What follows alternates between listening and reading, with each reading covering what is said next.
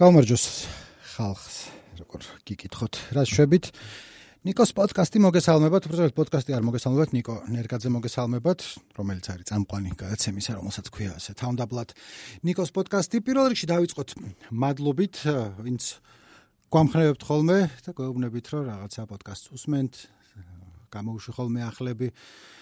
აა მადლობა მაგისთვის და იცით ვინც ახართ სიყვარული ჩემი მხრიდან და და ასევე ფიონა ეპლზეც ვილაპარაკებთ რამე დროს. ალბათ უფრო წლის ბოლოს როცა წლის საუკეთესო ალბომები იქნება იმიტომ რომ აგერ თავს დავდებთ რომ წლის საუკეთესო ალბომების არაერთ სიაში მოექცევა სათავეში აა კალბეტონი ფიონა მაგრამ არა დღეს ცოტა ყვითელი გადაცემა მაქვს იმ ხრივ რომ ურთიერთობებზე ვიჭორავებ ანუ არა ვიღაც ნაცნობის, მაგრამ ნუ ნაცნობი ხალხის მაინც ორ წვილზე ვიჭარავებ, ერთი ცოლქმარნი იყვნენ და მეორე მეგობრები და მაგათ ამბებს მოუყვები, ნახოთ რა გამოვა. იმედი საინტერესო იქნება თუ არა და ფულს უკან დაგიბრუნებთ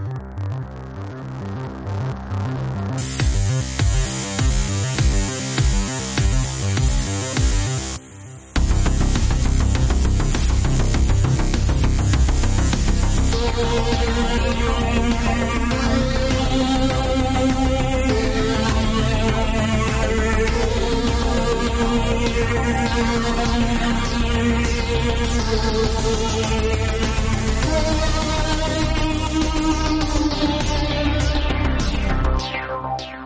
პირველი რის ამბავსაც მოუყვები არის საიმონის და გარფანკელის მეგობრობის და მტრობის ისტორია, რომელიც აგერ უკვე 60 წელს ითვლის. საიმონი და გარფანკელი ერთ-ერთი ყველაზე უფრო ცნობილი დუეტი, ვისაც ოდესმე უარსებია 60-იანი წლების კონტრკულტურის ერთ-ერთი ყველაზე უფრო თვალსაჩინო წარმომადგენლები და ნუ ყოველთვის ხომ ხუმრობა იმასთან დაკავშირებით, რომელი არის ამორში ნიჭერი, უბრალოდ ხუმრობა იმასთან დაკავშირებით, რომ საიმონი არის ძირითადი წამყვანი ძალა იყო ამ დუეტის და კარფანკელი ნუ ლამაზი თმა ქონდა და ლამაზი ხმა ქონდა, მაგრამ მეტიც მაინდა-მაინც არაფერი. და სწორედ აი ამ ხმებმა ამ რაღაცა მანამდე დაიწყო, მაგრამ აი ამ стереოტიპსაც, რომელიც стереოტიპიც არ არის ხა, ეგრე იყო რეალურად, მაგრამ ძალიან დიდი კონფლიქტი შემოგვქონდა ხოლმე ამ ჯგუფში. აა და მე ჩვენა რომ საინტერესო არის. უფრო უფრო საინტერესო ის კი არა რაღაც თვითონ ისტორია როგორ როგორი ურთიერთობა ქონდათ პოლ საიმონს და არტ გარფანკელს. არამედ ის რომ ბრალე მაგებს რო კითხულობდი და ეხაც რომ მოგიყვებით უცებ რო წარმოვიდგენ რომ რასაც არ უნდა მიაღწიო ცხოვრებაში რაც არ უნდა ბევრი ფული გქონდეს დიდი წარმატება გქონდეს შენ საქმეში იყო ერთ-ერთი უფრო პირველი სოფლიოში მაინც შენ თავს ვერ გაექცევი და შენი კომპლექსები და რაღაცები უკან მოგდევს და საიმონზე მაგ ხა ძირითადად ლაპარაკი, მაგრამ გარფანკელზეც და ეხა გეტყვით რას გულისხმობ და სულ თავიდან მოყვები. ეხლა თუ ვისაც პოლ საიმონის და არტ გარფანკელის სიმღერა არ გაქვთ მოსმენილი, საღოლ ანუ არ ამგონია რომ რომელიმე ხართ ეგრე, მისის რობინსონი გექნებათ მაინც მოსმენილი, მაგრამ ნუ Sound of Silence-ი ბევრი სახში მაგაზე გავიზარდე Greatest Hits of საიმონენ გარფანკელ ქონდა და ჩემი მეგობრებიც სულ უსმენდნენ და ეხაც უსმენენ და არა მარტო საიმონს და გარფანკელს, არამედ ნუ ბევრი მეგობარი მყავს. პოლ საიმონის შემოქმედების დიდი თაყვანისმცემელი ცალკე ალბომები რო აქვს მარტო გრეისლენდი კი არა, ნუ გრეისლენდი თქლება რომ ერთ-ერთი ყველაზე უფრო ეს არის seminal ქვია ხოლმე ინგლისურად ანუ ბევრი რაღაცა რო შეცვალა. მანდიდან არ დაუწყია პოლ საიმონს ეგრეთ წოდებული სოფლიო მუსიკასთან, აფრიკულ რიტმებთან თუ სამხრეთ ამერიკულ მელოდიებთან და რიტმებთან ჩაძმაკაცება, მაგრამ ნუ ერთ-ერთი უფრო ესეთი ალბომია როგორც ასახელები, რომ აი ბევრი რაღაცა შეცვალა და შემოიტანა ამერიკაში სხვა სხვა უცხო ჟღერადობები. ერთი საიმონი იყო ვინც მაგას აკეთებდა თავის დროზე Talking Heads ბრაიანინო აკეთებდა. ბრაიანინოს ჭორებს მე მოგიყვებით სხვა დროს. ბრაიანინოს კი არა დევიდ ბერნი ვიგულისხმე ბრაიანინოც მაგათი ახლობელი იყო ბაზარი არ არის მაგრამ ნუ ბარენს გულისხმობდი. ხო და მოკლედ 60 წლიანი ურთიერთობა მეთქი და როგორი აი ესეთი ამბავია პოლ საიმონმა და არტ გარფანკელმა ერთმანეთი გაიცნეს სკოლაში, როცა იყვნენ 11 წლის, 53 წელს, ნიუ-იორკში კლასელები იყვნენ, თუ შეიძლება კლასელები არ იყვნენ, მაგრამ ერთ სკოლაში დადიოდნენ, სკოლელები იყვნენ და 11 წლიდან იცნობდნენ ერთმანეთს და მეგობრობდნენ რაღაც მუსიკას უსმენდნენ, სიგარეტი ერთად გასინჯეს პირველად ხო ხდება, ანუ ეგეთი ტიპის ურთიერთობა ქონდათ რა და სკოლის დრამწრეში დადიოდნენ რაღაც ერთ სპექტაკლში გამოდიოდნენ ალისა საოცრებათა სამყაროში თუ ელისის საოცრებათა სამყაროში გაჩნია რომ თარგმანს მიყვები. ერთნაირი მუსიკა უყარდათ და მოკლედ 16-ის რო გახდნენ პირველი ბენდი ჩამოაყალიბეს 16-ის გახდნენ 15-ის იყვნენ ფაქტობრივად. საიმონი იყო 16 წლის და დაბადების დღიდან 2 დღის მერე დაბადების დღეზე შეთანხმდნენ და მე 2 დღის მერე უკვე პირველი სინგლი ჩაწერეს. Hey School Girl რქვა რომელიც არ მაქვს მოსმენელი იმიტომ რომ ეხლა ვიფიქრე რატო არ მაქვს მოსმენელი მეთქი მაგრამ არ არ მიფიქრია მოსმენა არასდროს. და ტომი და ჯერი ერქვათ. იმიტომ რომ რა ვიცი ეგრე ერქვათ. და ეს პირველი სინგლი იყო წარმატებული რაც ჩარტებში მოხვდა 50000-ზე თუ რაღაცა, მაგრამ ნუ სახუმარო 100000 ეგზემპლარი გაიყიდა თავის დროზე და მოკლედ ორივე უკვე გახდა 16 წლის ასაკში არსაიდან ზომიერად ცნობილი მომღერალი. ფული ბევრი არ უშოვიათ, ანუ იმდროინდელი 10000 დოლარი ჩაიდეს ჯიბეში. მაგრამ ნუ იმდროინდელი 10000 დოლარი ცოტა არ იყო, მაგრამ ნუ ის არ იყო რომ მთელი ცხოვრება გეყოს და ხო ხდები. ეხლა უკვე აპირებენ რომ ცო დავიწყეთ ხა კარიერა, მღერი ვარ თქო, კარიერა არის როგორი რომ სიმღერებს წერს საიმონი. საიმონი არის მაგორში სიმღერების მწერალი ადამიანი. ითვლება რომ საიმონი არის უფრო მუსიკის კაცი და გარფანკელი არის უფრო ნაშების კაცი, ნუ შეხედავ. თვითონ როგორც აღიქვამდნენ, ანუ მე კი არ ჩემი შეფასება კი არ არის, თვითონაც ეგრე მიაჩნდათ, რომ გარფანკელი არის უფრო სიმპათიური, კარგი ხმის მქონე, ლამაზი ხმა აქვს, კარგად მღერის და საიმონის მღერის ახლა, მაგრამ ნუ გარფანკელს უკეთესი ხმა აქვს ერთი და გარფანკელი უკეთესი ნაშა. საიმონი უცნაირი დაბალი ჯმაჯვარი. კიდევ ერთხელ ჩემი შეფასება ეგ არ არის, მე ხარ რომ მკითხო რომელი უფრო მე სიმპათიურობა შესაძლოა, ალბათ საიმონი. მაგრამ თვითონაც ეგრე მიაჩნდათ, საიმონსაც ეგრე მიაჩნდა და გარფანკელსაც და ეგ ეგ ქმნიდა მე პრობლემებს სერიოზულად და პრობლემები დაიწყოთ თავიდანვე. იმ 16 ტომი და ჯერი რო იყვნენ 16 წლის ასაკში პირველი განხეთქილება მოუვიდათ მაშინ. და მაგის მერე რომელი არის 57 წელია. 1957 წლიდან მოყოლებული დღემდე აქვთ ზუსტად არ ვიცი რა სინოს ტოქსიკური ურთიერთობა, მაგრამ ნუ იმენა ეგ აქვთ, რასაც არ უნდა ნიშნავდეს რა. როცა თან ერთმანეთისკენ გიზიდავს, თან ერთმანეთს ნერვებს უშლი, თან არ შეგიძლია ერთად იმ სულ ჩხუბობენ, სულ რაღაცა უნდობლობა აქვთ ერთმანეთის და პრინციპში 16 წლიდან მოყოლებულები მაინც მეგობრებიც არ არიან. ერთმანეთს ძალიან ნერვებს უშლიან, ძალიან ტკენენ ხოლმე ორივენი და საიდან დაიწყო ეს ყველაფერი? იქიდან რომ პირველი სიმღერა რო ჩაწერეს, ქერო 100000 ეგზემპლარი გაიყიდა, ხმის შემწერის კომპანია მივიდა და საიმონს უთხრა, რომ ორი სიმღერა მარტო ჩაწერეო. და მან კალკი კი რატომაც არაო, გარფანკელის გარეშეო, ჩაწერა და არა მარტო ჩაწერა, არამედ გარფანკელს არ უთხრა. რასნაირად თვითონ როგორც ამბობ დაავიწყდა ისეთი აგზნებული იყო რომ ეთქვა, მაგრამ ნუ მოკლედ არ უთხრა, უნდა ეთქვა. და გარფანკელმა იმდენად თავი იგრძნო შეურაცხყოფილად კი უფრო ნაღალატევად რა იმის ზურგს უკან ჩაწერა იმან ცალკე სიმღერა. თუ აი x 16 57 წელს რო ეწყინა მაგის მერე ეს პირველი ბზარი გაჩნდა მაგათ ურთიერთობაში და ეს ბზარი მხოლოდ გაფართოვდა და არ არ დაპატარავებულა არანაირად. იმიტომ რომ თქვათ მაგას ემატებოდა ეს დინამიკა, რაც თავიდან ვახსენე, რომ გარფანკელი იყო მთლიანად საიმონზე დამოკიდებული, საიმონი იყო სონგრაიტერი, ექსპერტა სიმღერებს და ნუ გარფანკელი იყო მომღერალი რა, ძალიან არა არა თანაბარი ურთიერთობა იყო, ძალიან დამოკიდებული იყო საიმონზე, რა სიმღერას დაწერდა. ოღონდ ნახე რა მოხდა ხეს. 16 წელს რო იყვნენ პირველი სიმღერა კი იყო წარმატებული მაგრამ შემდეგი რაც ჩაწერეს მაინც არსად არ წავიდა. არ ჩარტებში მოხდა არ დაიშალნენ მოკლედ აღარ წერდნენ სიმღერებს და ერთმანეთს შეხვდნენ ერთი 5 წლის მერე ცალ-ცალკე ცხოვრობდნენ და თავიანთი ის ქონდათ. მაინც აღარ მეგობრობდნენ თავიდან რომ შეხვდნენ ერთმანეთს 63 წელს ყოს რომ მოდი ერთ ბენდი ჩავიკერთით ჩავწეროთო რა ვნახოთ რა არისო და გარფანკალს მოწონდა საიმონის სიმღერები განსაკუთრებით ეს რაღაც სიმღერა Sound of Silence რომელიც მოსმენელი გექნებათ და მოკლედ ჩავწეროთ ერთად ოღონ ტომი და ჯერი ნუღა ვიქნებითო და დავარქვათო დავარქვათ საიმონი და გარფანკელი მაგის დედაც ვატირეო. ოღონ თვითონ ეს ხმის შემწერი სტუდია ამბობდა რომ ბანძი სახელიაო რაღაცა იმას გავხართო ადვოკატთა კანტორასო და ამა თქვას რომ არაო გავართ და გავდეთო 64-ში ჩაწერეს ეს ალბომი, რომელშიც არის Sound of Silence და კიდე რამდენიმე ისეთ სიმღერა, რომელიც მოსმენელი მაქვს, Wednesday Morning 3am ქვია ალბომს, რომელიც როცა გამოვიდა, კაციშვილს არ მოусმენია დედამიწის ზურგზე. არც რეცენზიები დაიწერა მაინდა-მაინც, არც არავინ არ იყიდა რაც ნუ ისე იყო რა და ესენი დაიშალნენ.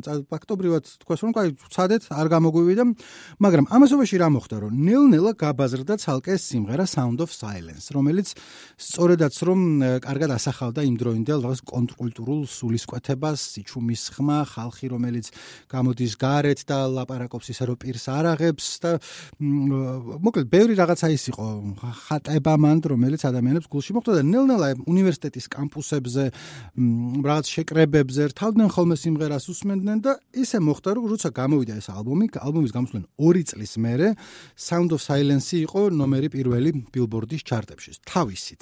ანუ რაღაც ხალხმა აიტაცა და მართლა ეს თვითონ როგორც სიმღერაც არის, ძალიან მაგარი სიმღერა, ამიყვარს. თავისით გავიდა პირველ ადგილზე. და ამის შემდეგ უკვე ამ თქვეს რომ უკვე დაშლები იყვნენ რომ რახან ხა რახან ესე წარმატებულებე ვართო, მოდიო ვიყოთო წარმატებულებეო, რა პრობლემა არისო და ჩაწერეს კიდევ ორი ესეთი ალბომი რა.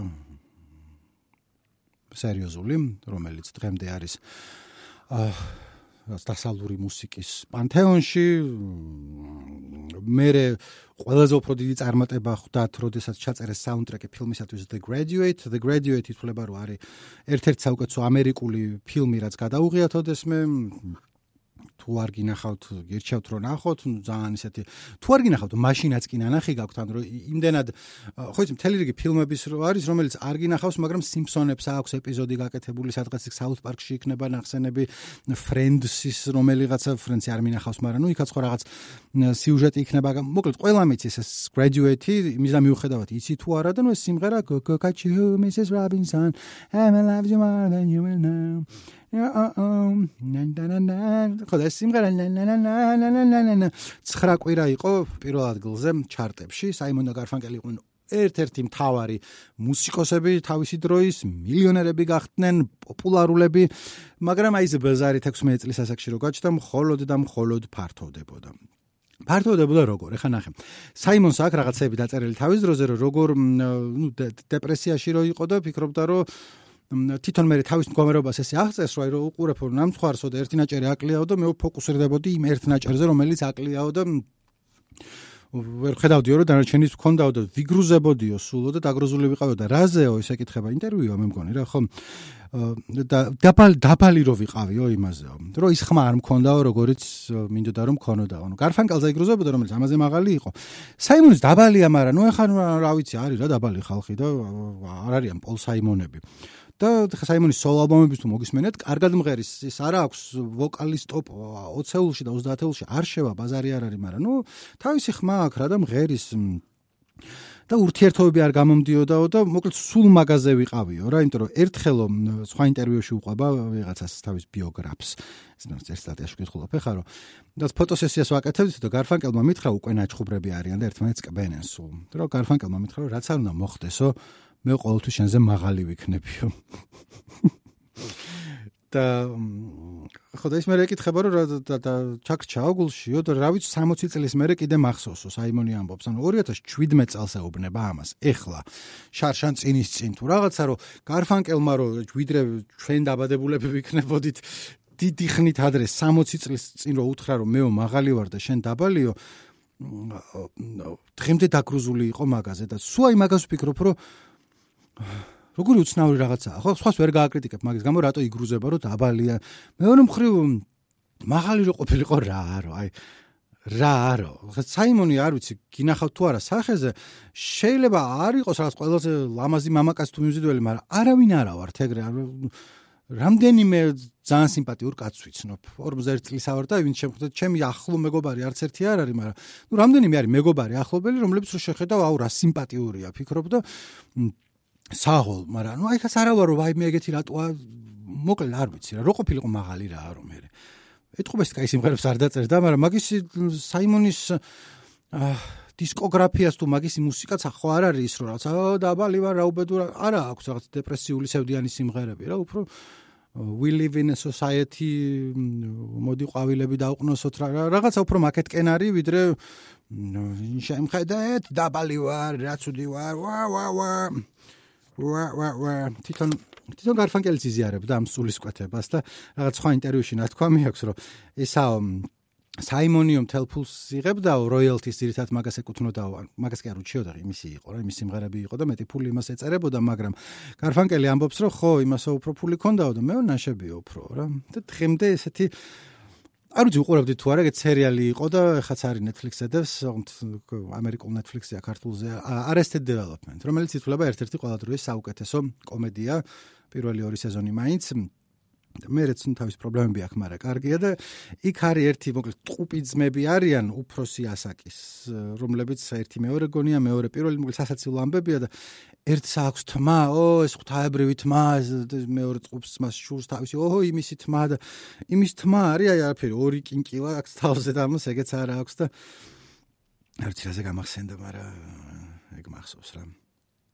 ანუ მაგ მახსოვს რა კი არა ასნაირად პარალელი გავავლე რომ აი გარფანკელი რომ კარგი ხმა აქვს და კაი ხმა ყველას აქვს. თან გარფანკელს კი არ ვერჩი რამეს. გარფანკელი ალბათ უკეთესი ტიპია ვიდრე საიმონი ცხოვრებაში რომ შეხვდათ იმიტომ რომ საიმონზე ხა აქ მაგაზე არ გადავალ მაგრამ ბევრი მაგ წაკითხული რომ არც სასიამოვნო პიროვნება არ არის. ხა იმის და მიუხედავად რომ დიდი მუსიკოსი, ერთ-ერთი ყველაზე დიდი მუსიკოსია ცოცხალი, ვინც საერთოდ არის და 60-იან წლებიდან მოყოლებული, არა მარტო საიმონ და გარფანკელის ამბავში, არამედ მარტოც რასაც აქვს გაკეთებული და ძალიან თვითონ კაი მუსიკა აქვს დაწერილი ერთი და მეორე უკიდურესად ბევრი გავლენა აქვს მოხდენილი სხვადასხვა რაღაცეებზე. მოკლედ საიმონ დიდი მუსიკოსია.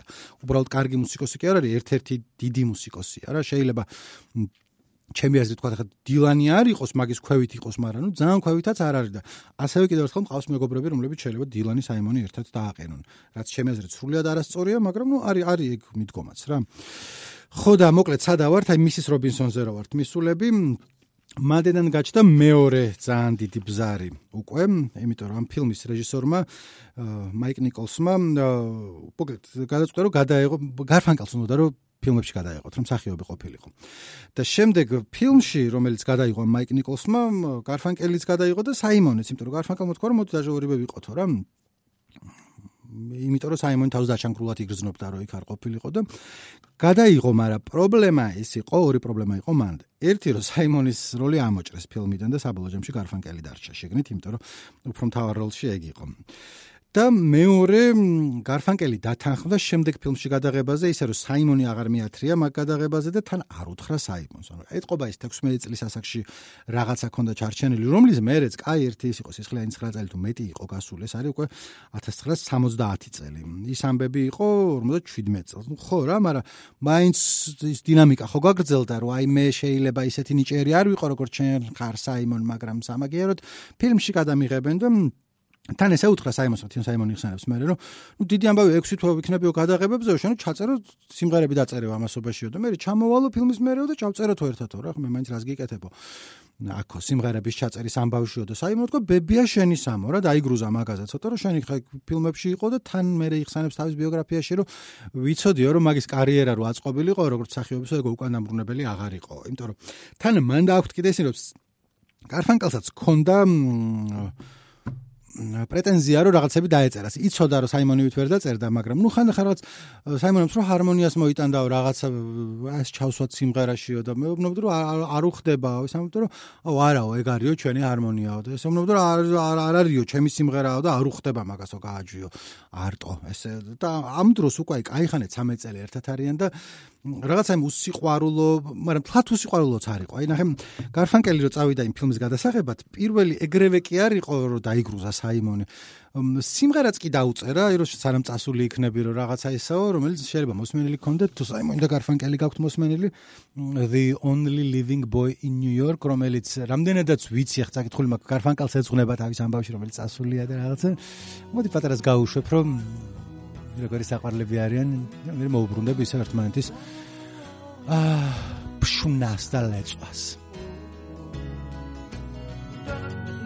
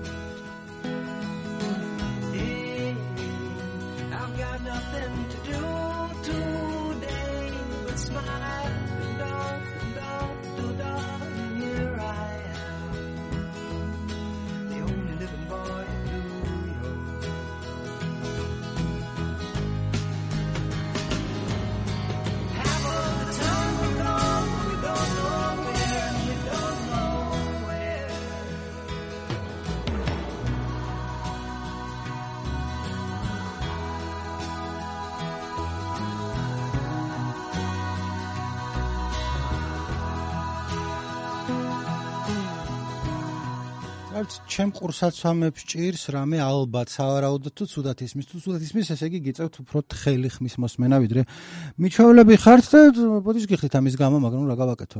მე მგონი მაინც ყურსაცვამების ბრალი ახლა უყურებ როგორი წერება თითქოს ნორმალური არის. ესე იგი სად ვიყავით? საბოლოოდ ეძაბებათ საიმონს და გარფანკელს ურთიერთობა რომ საბოლოოდ დაძაბამდე სიმღერა აქვთ რომ რაღაც მოდი მაინც გვიყვარს ერთმანეთი იმიტომ რომ როცა მაგათი ქიშპობის ამბავს კითხულობ სულ არის ხოლმე ხაზგასმული თან აი 5 წელიწადში ერთხელ აი სერიოზული დედიფშნა და ლეწვა და ჩხუბი და ერთმანეთის ვერატანა, მაგრამ შუაში ხო ერთად არიან და რაღაც მომენტებში არ არიან ხოლმე ცუდად რა ერთი მეორე სიმღერას უწერს, მაგრამ პარალელურად სიმღერას რო უწერს გარფანკელი ხო იგრუზება საიმონზე, იმიტომ რომ საიმონი სიმღერებს წერს და ეს პროსტა ხმისთვის არის და მეტი არაფრისთვის და საიმონი იგრუზება გარფანკელზე, იმიტომ რომ ის უფრო ყურადღებას იქცევს, ანუ სცენაზე ის უფრო ლამაზია თვითონ როგორც ხედავს ამას. იმისი ხმა უკეთესია და ბევრს გონია რომ გარფანკელის სიმღერებია, რასაც ბღერის იქ და თვითონ საიმონიც და უკან არის და ეგ არის მაგისთვის მიუღებელი, იმიტომ რომ ჩემი სიმღერებია პოლ საიმონის, გარფანკელი იქ ყავს რომ იმღეროს რაღაცეები და მოკლედ აი ფილმის ამბების მერე ჩაწერეს ერთად ბოლო ალბომი Bridge Over Troubled Water, ასევე სრულიად კლასიკური Like a Bridge Over Troubled Water იცი ამჭირს ხოლმე რომ სიმღერა რო არ ვიცი ყველაფერი რასაც ვღერი ვარ გამოდის თქოს დავცინი რასაც ვღერი ვარ ნუ ციცი და სინამდვილეში არა უბრალოდ თუდან ვღერი ვარ და სხვანაირად არ გამოდის ხოლმე.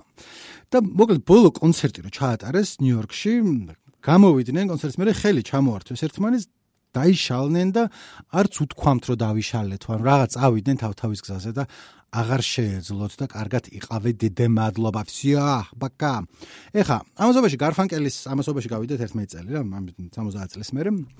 გარფანკელის კინოკარიერა მაინამაინც არაეწყო აქა-იქ არის ფილმებში მაგრამ ნუ კინომსახიობი კინოვარსკვლავი ართ გარფანკელი ლამაზი ბიჭი ლამაზი ხმით არ არის ეგრე. ნუ რაღაც ფილმებში თამაშობს საიმონი ამასობაში საიმონია რა პოლ საიმონი ალბომებს უშვებს რაღაცა ცვლის როგორ გამოიყურება დასავლური მუსიკა. მაგრამ პარალელურად როგორც ხვდები ორივე სენატრება აი სცენაზე ერთად დგომა. ახლა მაგას ციგში არ მაქვს წაკითხული მაგრამ იცი რა ზეთყობა ხომ როცა დგანან გარფანკელს უფრო ეთყობა იმიტომ რომ გარფანკელი მარტო არავის არ უნდა მაგრამ საიმონსაც ან საიმონს აქვს ხოლმე მთელი რიგი კონცერტები მაგრამ აი რაც მინახავს ერთად საიმონ გარფანკელი როცა არიან უკვე კარგა ხრის ნაჩხუბრები. სხვანაირად უგებენ ერთმანეთს კარგად განან სცენას და იმ ნაცნობ სიმღერას რო დაიწყებენ ხოლმე და რაც ხალხი რო გააკეთებს ორივე სეტყობა რო აი რაღაცა აქვთ რა ერთმანეთის მიმართ შეიძლება კი არა ერთად სცენაზე რო არიან ხოლმე კარგად განან. ერთ-ერთი ყველაზე უფრო ცნობილი კონცერტი მაგათი. მაგათი კი არა. საერთოდ რაც ჩატარებულა კონცერტების ისტორიაში ერთ-ერთი ყველაზე უფრო ცნობილი კონცერტი არის 1991 წლის ნიუ-იორკ სენტრალ პარკის უფასო კონცერტი, რომელიც რაღაც სენტრალ პარკის გადასარჩენად იყო ზუსტად არ ვიცი რატომ და გადაერჩინათ, მაგრამ ნუ რაღაცა ემუქრებოდა და საიმონ გარფანკელი 11 წლის მერე შეიკრიბნენ 500000 კაცი იყო მისული, ერთ-ერთი ყველაზე უფრო მოკლედ დიდი კონცერტია, რაც ჩაუტარებიათ ამერიკაში, საერთოდ სოფლიოში 5.5 მილიონი კაცი იყო მისული. და ნუ YouTube-ზე არის შეგიძლიათ ნახოთ და რომ გამოდიან და თან კარგად ძალიან კარგად იმღერეს მან და თან ეს მოშიებული ხალხი რო აი საიმონ და გარფანკელი თან დრო არის ისეთი რომ ბევრისთვის ბავშვობის მუსიკაა, ბევრისთვის ახალგაზრდობის, ზოგმა ცოტა ხნის წინ მოусმინა, ანუ ეხაც აქტუალური ტიპები არიან 10 წლის წინანდელი ჯგუფია რა, ანუ თან მონატრებული ხარ და თან ისიც არ არის რა, რო თქო 30 წლის წინ ვიღაც ტიპები იყვნენ. და იქ რო განან და უკრავენ და აი იგივე sound of silence-ში ბოლოში რო ცოტა იქითკენ crescendo ქვია, მაგას აი 5000 people maybe more people talking without thinking People hearing without listening, people writing songs. That the voices და თანაი გარფანკალს ეტყობა რომ რაღაცა აი ხარჯება ბოლომდე და ხელებს შლის.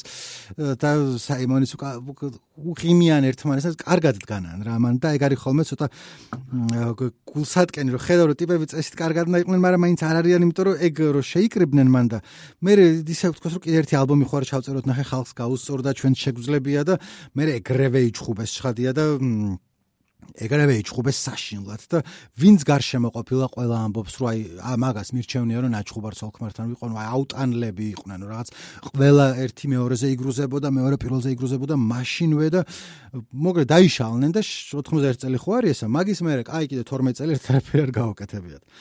და 12 წლის მერე შეიკრიბნენ. კიდე ერთხელ თყობარას გადალახეს თავიანთი ეს ერთმანეთის მიმართ ტოქსიკურობა და თქვენს რომ მოდი ნიუ-იორკში ჩავწეროთ კონცერტები და აი იქ კი დაენძრათ, იმიტომ რომ აა ერთი რეცენზიის გამო. ანუ ერთი რეცენზიის გამო არა მარტო, მაგრამ ერთი რეცენზია იყო განსაკუთრებით ნახსენები ყველგან, სადაც ვიღაც რომელიღაცა გაზეთი წერდა, ნიუ-იორკ ტაიმსი რაღაც არა, რომ კარგი კონცერტი იყო, მაგრამ გარფანკელიო როგორც ჩანდაო, ერთ-ერთი supporting cast იყო მეორე პლანის მსახიობი, მხარდამჭერი პოლ საიმონისა, რომელსაც უამრავი კოლაბორატორი, თანამშრომელი და კიდევ სხვა მომღერალი ყავდა.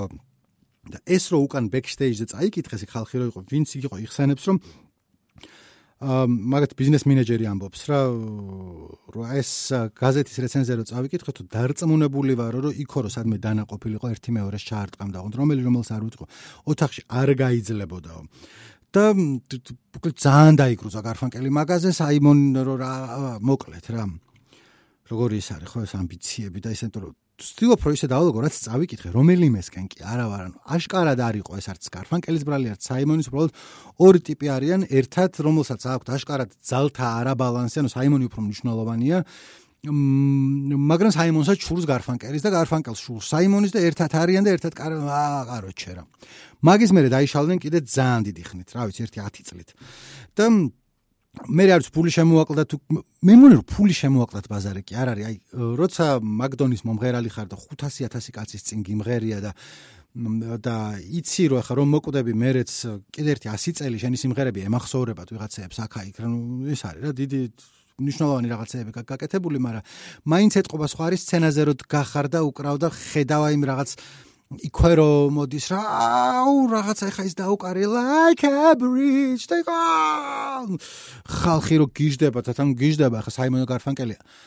არ არის ჩემი საყვარელი ბენდების 50-ეულში, ანუ რო ჩამოვწერო რამდენი რაღაცა მიყვარს, საიმონ გარფანკელი არ მოხდება. იმიტომ რომ ძალიან მიყვარს, მაგრამ ნუ არა მაქვს რა. აი აი სხვანაირი სიყვარული. მაგის და მიუხედავად ახლა რო შემომთავაზო, რაც სიარო იყოს, რა 20 სხვადასხვა კონცერტი, შეიძლება საიმონ გარფანკელისთვის დამედო ხელი რაღაცეებს ზევით, რა. იმიტომ რომ კონცერტები კიდია როგორც წესი და იქ მექნებოდა ნიკეივი, რაზეც მომენტს ეხლა შეიძლება წასვლა თუ პანდემია მორჩაოდეს მე, ან რა შეიძლება LCD sound system და საიმონ გარფანკელი. დაჟე ძალიან ბევრ რაც ჯგუფი მიყვარს იმაზე წინ დავაყენებდი, იმიტომ რომ წარმოიდგინე მოვლენა არის სხვანაირი და სხვანაირად. თან სიმღერები ხა რაც ამაქვს მოსმენელი მოსმენელი კი არ მაქვს ზეპირად ვიცი ძალიან ბევრი სიმღერა. უჰ. ხოდა 2003 წელს მოbrunდნენ ისევ ტურნეს ჩავატარებთო რომელსაც ქვია Old Friends Tour ძველი მეგობრები მაგათი სიმღერა Old Friends. და Madison Square Garden-ში და და როცა თავიდან გამოვიდნენ Madison Square Garden-ში როცა დაიწყეს, რა ცოტა სითბო ჩანდა სცენაზე, ყველა ხო უყურებს და ყველა მიცის მაგათი ამბები. და სცენაზე რო დგანან, ყველა ესე რა, აბა ხა ნაჩხუბრები არიან თუ არ არიან ნაჩხუბრები, ერთმანეთთან როგორ არიან და თავიდან ესე ჩანდა რომ კარგად არიან რა. რაც სითბო მოდიოდა იქა, უგებდნენ ერთმანეთს. აა, ოღონდ ეს გაგრძელდა, რა ვიცი, აი ცოტა ხნით რა. იმიტომ რომ მე კიდე ერთი ტურნე უნდა ჩაეტარებინათ ერთი 10 წლის წინ და მაგ დროს გარფანკელი იყო ცოტა გაციებული და მე თქვეს რომ თვითონ ამიტომ რომ არა ვიმღერებო, არ არისო პრობლემაო და მე ვერ იმღერა, იმიტომ რომ ნიუ-ორლიანში რა ჯაზ ფესტივალი იყო. სადაც უნდა გამოსულიყვნენ და იქ აღმოჩნდა რომ ვერ იმღერებდა მართლა და საიმონი დაიგრუზა კიდე ერთხელ რომ რა ხო იცოდა რომ ვერ იმღერებდა და რატო ჩამაყენა აქ მდგომარეობაში. მე რამდენად მე რამდენად 60 წელი ამ დღეში ვარ და მე შარშან წინ გარფანკელმა უთხრა რაღაც ინტერვიუში ტელე ტელეგრაფში მე მგონი მე მგონი რომ კითხულობ ტელეგრაფი იყო რატო თქვი ხა მე მგონიო ვიცი რომ ტელეგრაფი იყო კითხულობ კი არა მიწერია წინ. ყველაფერზე პირად კი არა მაქვს დამახსოვრებული. და მოკლედ გარფანკელმა უთხრა ინტერვიუში რომ საიმონი იდიოტიაო ბენდი რატო დაშალაო აუ რაღაცა და ერთმანეთზე არიან აი მოკლედ რა 1900 57 წლიდან მოყოლებული, თორსა მანამდე მეგობრები იყვნენ, ერთად მოწიეს პირველი სიგარეტი, ქალებში ალბათ ერთად არიან ნამყოფები, ხო ხტები, რაც ეგეთი ისა რა. და მე არის უამრავი ხარ რაც გამოვტოვე 1500 სხვადასხვა პატარა ის შეიძლება თქვი და ეს რატო თქვი რომელიც ერთმანეთთან დაკავშირებით აქვს მაგალითად ერთი როცა ალბომს წერდნენ რომელიც საბოლოოდ გამოვიდა Bridge over Troubled Water საიმონს უნდა რომ ჩაეწერა ბოლო სიმღერა რომელსაც ერქმევოდა Kubasi Nixon No იმიტომ რომ 60-იან წლებია და მაშინ ფილ კასტროს ხარდაჭერა რაღაც კონტრკულტურულ ამბავში მოსული ამბავია გარფანკელი ამბობ რომ არ ჩავწეროთო რომ კასტრო კარგია და ნიქსონი ცუდია მაინც ამერიკელები ვარ და ერთ მაგაზე იჩხუბეს მე ეს ამბობდა რომ აი ჰაიტური სიმღერა ჩავწეროთო მანდ რაღაცაო ბოლოში ერთმანეთს შეასყდნენ და მე არ ჩაწერეს 12 სიმღერა არ არის იმ ალბომში და ეგეც ერთ-ერთი მიზეზი იყო რის გამოც დაიშალნენ. უამრავი მიზეზი აქვს რის გამოც დაიშალნენ და რაღაცა აი ერთ-ერთი კიდე ცნობილი შემთხვევაა ძალიან. 1990 წელს rock and roll hall of fame რო არის ჩემი აზრით დიდი სიაბანტობა არის მაგრამ ნუ არის რაც არის და იქ გამოდიოდნენ და გარფანკელმა თქვა რომ აი პირველ რიგშიო დიდი მადლობაო ყველა ადამიანებსო ვინცო ჩემი ცხოვრება გაამდიდრესო და აი თქვა იმ ადამიანსო რომელმაც აი თავისი უდიდესი სიმღერებიო ჩემში გაატარაო ჩემი მეგობარი პოლიო. და ნუ ხო კარგად ჩაიარა რა რაღაც უკვე მაგარი ნაჩხუბრები არიან და ამან კარგად თქვა და საიმონი გამოვიდა და მე თქვა რომ აი ეგო რა არტურიო და მე ვიხუმრა რა თითქმის ვერაფერზე ვერ თანხმდებითო მაგრამ ეგო მართალია ხო მაგის ის სიცოცხლეო მართლაც და გავამდიდრეო ეხა რო ფიქრობო რა. იხუმრა მაგრამ რატო უნდა იხუმრო ეგრე როცა ხედავ რომ წინს ადამიანს ანუ შეიძლება რომ გაიღადაო ადამიანს მაგრამ როცა ნაჩხუბრები ხარ და მე არა ჩერა. 10 წელიწადში ერთხელ რაღაცა კომეტასავით გამოდის. არ მითხრათ ახლა რომ ჰალეის კომეტა 10 წელიწადში ერთხელ არ მოდის. ვიცი მაგრამ რაღაცა პერიოდულობა და გამახსენდა კომეტა. რა საჭირო იყო. 10 წელიწადში ერთხელ დაახლოებით მოbrunდებიან ხოლმე ჩაატარებენ ერთ კონცერტს. მე იმას იზამე რომ შენზე რატო დაწერეს რომ თავარია მე უფრო თავარია დაიშლებიან და ესე დღეში არიან და ძალიან ძალიან გულდასაწყვეტია, მაგრამ მეორე მხრივ რა გინდა გააკეთა. გულდასაწყვეტის მიღმა, ნუ არიან ბენდები, არიან მუსიკოსები, რომლებიც აი ურთიერთობით უკეთეს მუსიკას წერენ. რა ყველაზე ცნობილი შემთხვევა მაგის არის Fleetwood Mac-ის ალბომი Rumors, რომელიც არის ჩაწერილი პერიოდში, როდესაც ყველა ჯგუფის წევრი, ყველა ჯგუფის წევრ სხვა ჯგუფის წევრთან ღალატობდა, სასიყვარულო სამკუთხედები კი არა, რაღაც 14 კუთხედები იყო, ვინ ვისთან იწვა, როდის წარმოუდგენელია, რამდენი კოკაინი ეყარათ თავზე, ყველა ცნობილი ამბავია ეგ, რომ ჯგუფ აქედან გამოვიდა ალბომი Rumors, როკის, ასე ვთქვათ, ერთ-ერთი ყველა დროის ყველაზე მაგარი ალბომი, ბევრი საზრით შეიძლება რომ ტოპ 10-ში შეიყვანო. ჩვენთან ხა ფლიტუდ მეკი არ არის ეგეთი პოპულარული მაგრამ რეალურად ითვლება რომ აი როკის პანთეონში ალბომებს შორის ან რა ვიცი. ვიღაცამ რომ თქვას რომ ყველაზე მაგარიაო და პირველზე დააყენოს ძალიან ბევრი არ დაეთანხმება მაგრამ დასავლურ პრესაში ვამბობ რომ ისიც არ იქნება რომ ფუეს რა სირობა მოიტანეს საიდან რატო? არა ანუ შეიძლება ვიღაც სხვა თქვას რომ არა რას ამბობ სხვა რაღაცა უფრო მნიშვნელოვანია სხვას დავაყენებდი მან რაღაც dark side of the moon სხვა თქვა რომ არა dark side of the moon კი არა რაღაც სხვა რაღაცა ჯობია მან მაგრამ იმის თქვა მინდა რომ მაგ დისკუსიაში ეს რუმორზე ჩვეულებრივად იქნებოდა ჩართული რა. აა რას ვამბობდი? ახლა ხო იმას რომ Fleetwood Mac ეს შიდა დინამიკა რომ ვინ ვის რუმორში არის სიმღერები რომლებიც ერთმანეთს ეძღვნება ოღონდ საგინებელი სიმღერები და ერთად უნდა იდგნენ სცენაზე და მე იმღერონ. You can go your own way go your own way. იმხერენ და ერთმანეთს თვალებში უყურებენ რომ შენზე არის ხო ლაპარაკი წადი შენი გზით რატომ მიღალატე იმასთან იმასთან უკან დრამზე უკრავს თუ არ ვიცი ზუსტად ვინ ვისთან უღალატა, მაგრამ ნუ ეგ დინამიკა ქონდა და ამათ არა რა ამათ აქ რო დუნ დუნ დუნ დუნ დუნ დუნ დუნ ნა ნა ნა ნა ნა ნა დუნ დუნ დუნ დუნ დუნ thousand people maybe. ან ბოქსერი ბოქსერი რა მაგარი სიმღერა. ბოქსერი არის ჩემი ერთ-ერთი ყველა საყვარელი სიმღერა. ამასთან დავსკენ თუ სულ ბრუნდები ხოლმე და თან ვინც ახლა ამის დამფასებლები ხართ გეცოდინებათ რომ აა ბოქსერი არის ალბომის ვერსია და არის ლაივ ვერსია სადაც შუაში არის დამატებული ერთი verse თუ რა ქვია ერთი სტროფი რა. After changes upon changes we are more or less the same. საიდან მახსოვს? თითო რაღაც ციგნის იმაში არის. არ მახსოვს სადამ აქ წაკითხული ან რა ქვია ეპიგრაფი კი არა და თავში რო არის ხოლმე. მოკლედ ნახსენები იყო რომ boxer-ში არის ეს ტექსტი რომ upon changes after changes upon changes we are more or less the same. და მეთქე სიმღერა მახსოვს და ეგ ტექსტი არ მახსოვს. ანუ გავს რომ რაღაცა იქნებოდა მაგრამ არა თქო და მე ვარკვევდი რომ არ არის სიმღერაში ოღონდ ლაივში მღერიან ხოლმე და თვითონ საბოლოო იმაში არ არის შეტანილი ალბომში. აა ორი ურთიერთობების შესახებ მეთქი გითხარით და იმდენი ვილაპარაკე რომ დავიღალე ცოტა. ბარე მეორესაც მეოყოლებ აქ არ. არა, ხოძე ვარ. მეორე ურთიერთობა უბრალოდ ვერ გადავედი მეორეზე, იმიტომ რომ მეორე არის გაცილებით უფრო ნაკლებად მნიშვნელოვანი საერთოდ და გაცილებით უფრო ყვითელი. ეს ხო იყო საიმონ და გარფანკელი, რომლებიც ნუ მეგობრები იყვნენ old friends, რომლებიც აგერ უკვე 60 წელი ერთმანეთს სისხლს უშრობენ. ეხა დავფიქრდი ტომი და ჯერი ერქვათ თავიდანვე და მართლა ტომი და ჯერი არიან. თუ რამე გავდეს აი მაგათ ურთიერთობას ყველაზე უფრო გავს ტომის და ჯერის ურთიერთობა, რომლებიც ერთმანეთს სისხლს უშრობენ და მაინც უერთმანეთოთ არ შეუძლიათ, იმიტომ რომ ტოქსიკური ურთიერთობა აქვს ტომი და ჯერის, ანუ ხათ ჯერის ტომის გარეშე არ შეუძლია.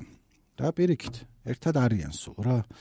და მე ბრუნდებიან თან ისე რომ მაინდა-მაინც არც ჭირდება აი სხვა ბენდები დაიშალნენ მაგალითად ერთხელ Talking Heads-ets მოგიყვებით რომლებიც ეხლა ვკითხულობ ხოლმე ბოლო დროს ისტორიებს იმიტომ რომ ერთი ციგნი გამოვიდა ერთ-ერთი წევრის და ისის ყველა David Byrne-ს აგინებს Talking Heads-ში ვინც იყო იმიტომ რომ David Byrne-მა დაშალა ჯგუფი მე მგონი იმეილი იყო მაშინ უკვე თუ წერილი თუ რაღაცა დაშლილები ვარ თქო და ყველა ისე იყო რომ კაი რა რაღაც ცოტა ფული ვაკეთოთ კიდე მარტო ფულზე კი არა რა რაღაცა გამოგვდის და ბერმა თქვა რა ფეხსაც მკიდეაო წავალ მარტო გავაკეთებ მე თვითონ ვიქნები მარტო. მე ვარ ბერნისკენ მაგამ ბავშვი მაგრამ ძალიან ცუდად იქცეოდა ხოლმე და ამის მერე ბერნი რო წავიდა როგორც თქვა საიმონი წავიდა საიმონო გარფანკელიდან.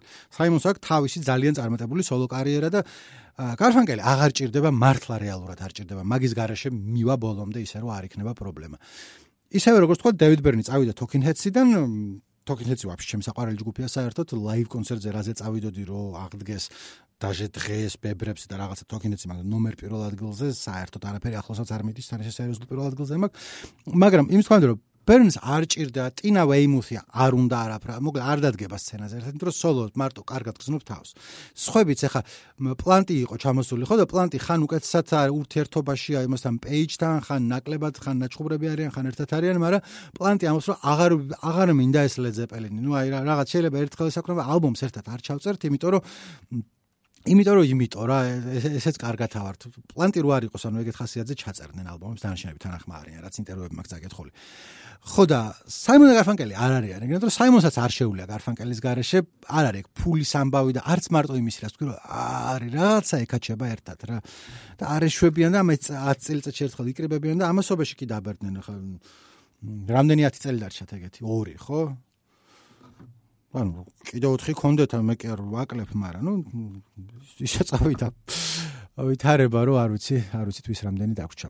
ხო ეხა გადავიდეთ გაცილებით უფრო ნაკლებ მნიშვნელოვან ურთიერთობაზე რომელიც არის სასიყვარულო ურთიერთობა და ცოლქმრობა გვენ სტეფანის და მისი მეუღლესი გევინ როსდეილის და პირველ რიგში ვიცი რასაც ფიქრობთ რომ გვენ სტეფანი ალბათ ყველა ამიცით ვინ არის და ვინც გვენ სტეფანის ფანები ხართ გევინ როსდეილის გეცოდინებათ და დანარჩენები განსაკუთრებით ვინც უმცროსები ხართ ფიქრობთ რომ ვინ ჩემფეხებია გევინ როსდეილი და საქმე იმაშია რომ გევინ როსდეილი იყო ფრანტმენი ჯგუფისა ბუშ რომელიც დღეს კაცშულს აღარ ახსოვს.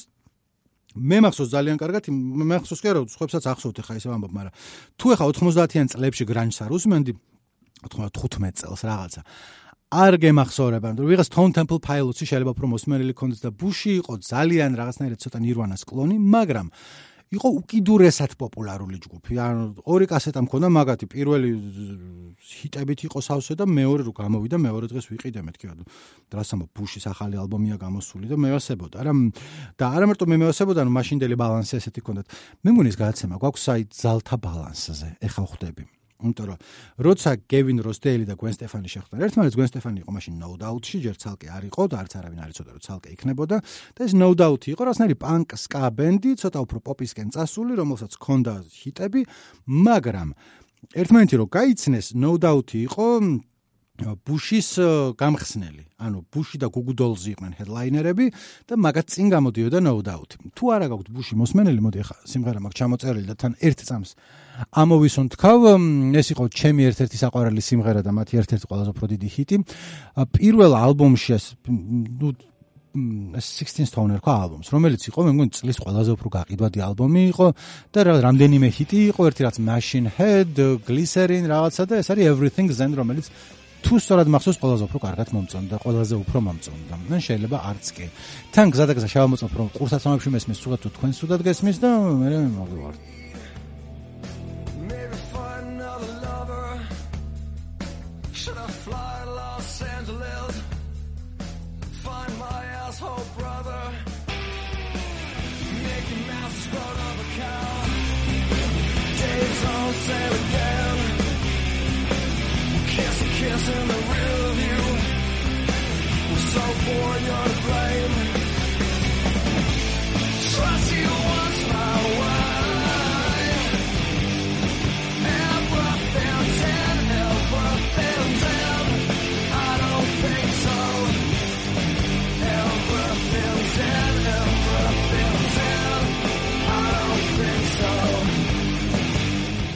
მოკლედ ვერ გავიგე ხმის ამბავი და თუ არის მის და რა გავაკეთო ახლა.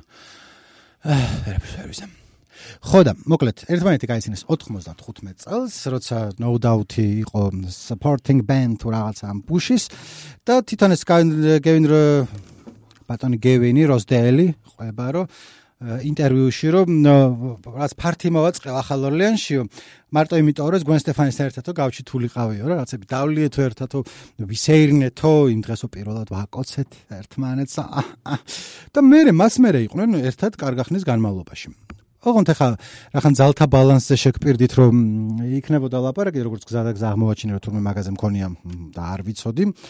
როცა ერთმანეთი გაიცნეს ბუში იყო ერთ-ერთი ყველაზე უფრო პოპულარული როკ ჯგუფი ამერიკაში. ისე ბრიტანელები არიან. ყოველთვის როსდელი ლონდონიდან არის. შეფერდს ბუშიდან და მაგიტო ქვია ბუშ ჯგუფს რა. მაგრამ პოპულარულები იყვნენ ამერიკაში მარტო ინგლისში ბუშს არავინ არ უსმენდა და ალფშოში არ იყო ეს უბრალოდ რა ისე რომ იცოდეთ მაგრამ ამერიკაში არიან სულ იმიტომ რომ ბუში ამერიკაშია პოპულარული ხო და 95 წელს იყო ბუში ერთ-ერთი ყველაზე უფრო პოპულარული ბენდი ამერიკაში, რომელსაც კრიტიკოსები ლანძღავდნენ, მაშინ ხა ინტერნეტი არ იყო და ის ატაცება და რაღაც არ იცოდნენ, ხოლმე სულ ითვლებოდა რომ იყო ცოტა derivative derivative derivatioli ცოტა რაღაც grunge-ის sounds აკიდებული ხალხი, მაგრამ თავის შეშედი პოპულარული სიმღერები ქონდათ არაერთი. No doubt იყო მაშინ რაღაცნაირი ska ბენდი, რომელსაც რამდენია სამი ჰიტ სიმღერა ქონდა თავიდან ეს ვიდრე ეს don't speak იქნებოდა ქონდა რა spider webs და რაღაც i'm just a girl living in a man no no no no no თავისებური ბენდი იყო და ხა no doubt-ის დინამიკაზე შიგნით რა ხდებოდა მაგაზე არ მალაპარაკოთ, იმიტომ რომ მაგაზე არის თუ კლიპი არ გინახავთ don't speak-ი, გადაღებული აქვს თვითონ რა ხდებოდა, როცა ნელ-ნელა გვენ სტეფანი უფრო და უფრო სახე გაჩნდა no doubt-ის, მე ცალკე წამოვიდა, მე რაღაც ხნის განმავლობაში ცოტა სხვა ჟანრში გადავიდა, თვითონ დაიწყო სიმღერა, მაგრამ მოკლედ 95 წელს როცა ერთმანეთი გაიჩნეს, როსდეილი იყო rock wars-კლავი, თან თუ სახეზე არ გინახავთ ჩემი აზრითაც ძალიან სიმპათიური კაცი იყო და ითვლებოდა რომ ერთ-ერთი ყველაზე უფრო კაინაშა არის როკში საერთოდ რა. დანარჩენები ხო გრანჯის ხალხი ესე იყო ჩემი ძმები რა, იქ ზემლები და ჯერონიმო კი არა, ასფრელ ჯემები და საუნდგარდენები და მაშინდელი ფეშენი იყო რომ კუბოკრული აა რა ქვია პერანგი პერანგი კი არ დამავიწყდა კუბოკრული სხვანაირად რა მნიშვნელობა აქვს. და დახეული ჯინსები, ხო დახეული ჯინსები კი არა, მაშინ დაცინოდნენ რომ როკ ვარსკვლავები კი არა, იმის გვანა ბომჟებსო და ეგრე უნდა გწმოდა რა. და ყველა სიმღერა იყო რომ ჯემესი ცოცხლე უაზრო არის. წავალ მოკვდები ხვალ და სულ ფიქრობდი რომ რა სატრაკებ და მე რა აღმოჩნდა რომ ყველა მოკვდა მართლა რა უბედურება ვინ დაგვჭა ცოცხალი ედი ფედერი. ედი ფედერი რომელიც და მაგაც ასტავი ფერლჯემი. დანარჩენი ვინც კი ფრანტმენი იყო, გარეთ გამოდიოდა და სახე ქონდა დანახული, ზოგმა აგერ ახლა მოატანა და რა ვიცი მე კრის კორნელს რა ეტაკა ესო ხერი, უი მე. სად ვიყავი ახლა ისე ნერვები მომეშალა ეს ამ გრანჯის ხალხს რა გაფლანგეს ცხოვრება და გადააყოლეს ამ ჰეროინს. რა უბედურება რა რითვერ გაძღნენ ხო მოუბრუნდეთ ისევ გვენ სტეფანის და კევინ როსტეილს, რომლებიც კაი ხანი დადიოდნენ ერთად, ამასობაში ვიდრე ერთად დადიოდნენ. კევინ როსდეილის და ბუშის მზენელნელა ჩაესვენა მაგათი ადგილი. აღარ იყო გრანჯის შემდგომ ეპოქაში და ლოენ სტეფანის ანელნელა უფრო და უფრო ამოვიდა. ეხლა მაგაზე არ წერია არსად, მაგრამ ძალიან წარმომიდგენია როგორ დაიგროზებოდა კევინ როსდეილი თან ხო ვერ იტყვი ხმამაღლა, მაგრამ ნუ თან რაღაცა ეგ მომენტი არის რო შეინცოლი რომელიც აქამდე შენზე ნაკლებიც თარი იყო ეხლა სტადიონებს ავსებს და ხან იქით ჩითავს და ხან აქეთ ჩითავს და თან ალბათ რო შეხვდნენ გვენ სტეფანი უფრო ლამაზი სტილის გოგო იყო და ხასიათის და რაღაცა და ნუ ეს იყო რაღაცნაირ გამოკვართული ნაკთების ღმერთ კაცის სახე. ხა ნელ-ნელა ეს შეთხელდათ მა როსდეილის. ნელ-ნელა ეხა რო შეხედავი ბებერ როკერს გავს რა დიპ ფარფლის ქსილოფონის ხო იცი რო არეშვებიან რო უკან გადაწეულით მა მაგრამ სიმელოტე გამოუშვა სიმელოტე ნაკლი არ არის მელოტე ვერ 17 წელი არა არავის არ ვაკრიტიკებ მაგის გამო მაგრამ ხანდახან აღიარა რომ არაუშვოს ქონდა ლამაზი თმა აღარა გაქვს ლამაზი თმა ნახვა მდული ახალი რაღაცა გავაკეთოთ. მაგრამ ნუ სხვაც რა ხდება იმის გემეროს დელის ხორებაში მაინც არაფერი. და გვენ სტეფანიას სილამაზის მხრივ რავი რაც იყო 95 წელს ეხაც იგივე რანაირად შეიძლება ადამიანი არ იცვლებოდეს ეგრე. რამდენიმე ხო კინური ვზი არის ქალების. რაც მაშინ იყო ის ეხაც ეხა ხა კი ის აქვს რომ ბევრი მაკიაჟი და სტილი და ისე როგორ გამოიყურება არ ვიცი გახდილი არ არც მიფიქრია მაგაზე ეხა უბრალოდ სამაკ ხოლმე. მუხრუჭები არა მაკროცა ვლაპარაკობ მაგრამ ნუ ხო ხვდები რომ შეხედავ რაღაცა გამოდის იმაზე და რაც მანამდე იყო იგივე არის. უფრო პოპულარული ვიდრე მანამდე მაგრამ ამასობაში მოკლედ დაქორწინდნენ 2002 წელს 6 წელი იყვნენ. ერთად გაშორდნენ რამდენი ხანია ერთ-ერთი. 5 წლის წინ რაღაცა ესე. შეიძლება მანა ცოტა ნაკლები შეიძლება. ხო 2015 წელს გაშორებულან საბოლოოდ. ხა ჩავხედე. და სამი შვილი ყავთ ერთად. და ცალკე ყავს ერთი შვილი გავიდროსდიელს რომელიც პირველი პრობლემა ურთიერთობაში გამოუჩნდათ როცა დაქორწინა რაღაც სამი თვის მერე გაირკვა რომ შვილი ყავს ამას ანუ მანამდე გაჩენილი 13 წლის იყო ეს შვილი უკვე და თვითონ ამას არ ვიცოდიო რომ ყავდაო იმიტომ რომ მე იმ რაღაც დედამ ის ჩაატარა ტესტი ვინ იყო мама და გაირკვა რომ გამინდროსდელი იყო мама და თან პარალელურად მე მგონი იმ გოგოს ნათლია ასე რომ ასე რომ ასე. თავის შვილის რა აა ხო და ეგ ურთიერთობა ქონდათ და მე ნელ-ნელა აა ერთი 10 წლის წინ კორტნილავი ლაპარაკობდა რადიოში ხოვარსტენთან იყო და აი როზდეილი კაინაშა საწყალში კაი ბიჭია დავდიოდით ერთვას და გვევასებოდაო ერთმანეთივე ხა იმასაც ვიღაცები ყავდაო მეცო ვიღაცებიო მაგრამ ნუ აი დამევასაო და ყველა ერთი ისიც მაჩერებდაო რომ ყველა უნდა ცოტა ძალიან კობეინს ბაძავსო სიმღერის დროსო მაგრამ ნუ რა გავაკეთოთო რა და მეეო თანო სექსის დროსაც უკეთესი გახდაო ეთყობაო ნანასწავლაო გვენ სტეფანი და ის სორტანი ჩაიგდრო რომ გვენ სტეფანი ვასალო მეერეც იყავითო ერთადო და კიო კიო მაგრამ იცისო იცისო რა ბაზარი არ არისო.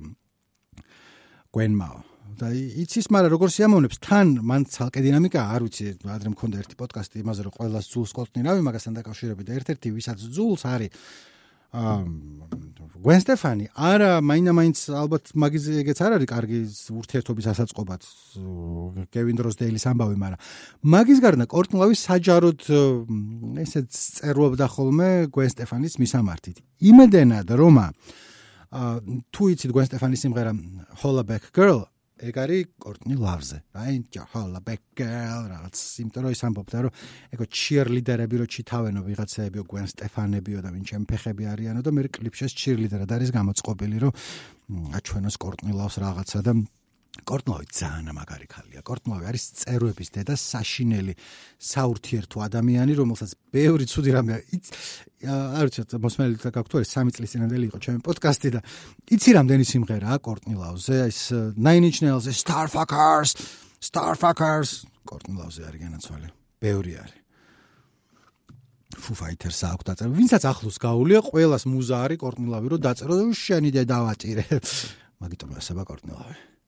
მოკლედ საბოლოოში გაშორდნენ ერთმანეთს, გაშორდნენ იქიდან რომ აღმოჩნდა რომ გავიროსტელს ქონდა მრავალწლოვანი სასიყვარულო ურთიერთობა თავიანთ ძიძასთან, რომელიც სახში ყავდა და ალბათ თან იგრუზებოდა რა ის დადის კონცერტებში და მე სახში ვარ ბავშვებთან ერთად და მან ჯუტკი ის არის რომ მე უკვე ძალიან ყვითელ ჟურნალებში გადავედი, ამათი ძიძა ვისთანაც ქონდა ურთიერთობა იყო ჩამოსხმული გვენ სტეფანი. შესაძლებლად საერთოდ არ გავდა, მაგრამ სტილით ბაძავდა ძალიან, რაც გვენ სტეფანს ეცვა ხოლმე, ეცვა ამ გოგოსაც და ერთი ფოტო სამენ ერთად დადიან ხოლმე და მე მე გვენ სტეფანი ლაპარაკობდა რომ მარტო ეგ არისო რა ანუ ბოლოში რაღაც მაგის გამო გავშორდითო მაგრამ მანამდეცო არ ქონდაო კაი ურთიერთობაო და დეტალებს არ მოყვებიო და ჩემს სიმღერებშია ყველაფერი ყველაფერი შეგიძლიათ იქ ამოიკითხოთ და ხო ალბომებს არ ჩაუჯექი დიდი ბოდიში გვენ სტეფანის როგორც B side-ებზე გამერკვია რა ურთიერთობა ქონდათ იმიტომ რომ ეგრეც არ მაინტერესებს. აა დღეს ვინც არის გვენ სტეფანი არის აა girlfriend-ი ბლეიკ შელტონის, თუ ბლეიკ შელტონია მაგისი ბოიფრენდი. ბლეიკ შელტონი მოგონი country super ვარსკვლავი ამერიკაში ძალიან ცნობილი კაცია. Voices ჟიურიში არიან ორივენი თუ არ ვწდები ყოველთვის ბლეიკ შელტონი ნამდვილად არის. ამერიკული voices დეტალებს ისე კარგად არ ვიცნობ. ამ გემი როსტელსაც ვიღაცა girlfriend-ი ყავს თუ ეხა მარტო ანუ რაღაც სხვა სხვა ისინი ვნახე ხო ინტერვიუები სხვა სხვა დროიდან და აღარ ამოვიწერე როდის რა იყო. ეხა მე მგონი მარტოა. და ძალიან ნანობს, რომ არ მინდოდა რომ ჩემი ქორწინება ესე დაშლილიყო და არ მინდა რომ ესე ხალხო დაამახსოვრდეო როგორცო უბედურიო და მე მინდა ხალხო ახსენდეო როგორც funny and generous person. სასაცილო და რა ქვია, ქველმოქმედი, რომ არენანება რაღაცების გაცემა. კაი, დავიღალე და ვეღარ ვიხსენებ სიტყვებს. ასევე გენეროს თელმა თქვა, რომ სამოკვდაბიო ჩართეთო პანაშვიდზეო my way-ო, ოღონდ სიდვიშესის შესრულებით. იმიტომ რომ ფრექსინატას შესრულებით ხარ ჩართავდა მაინც რაღაც ბანკთან განავალი კაცი.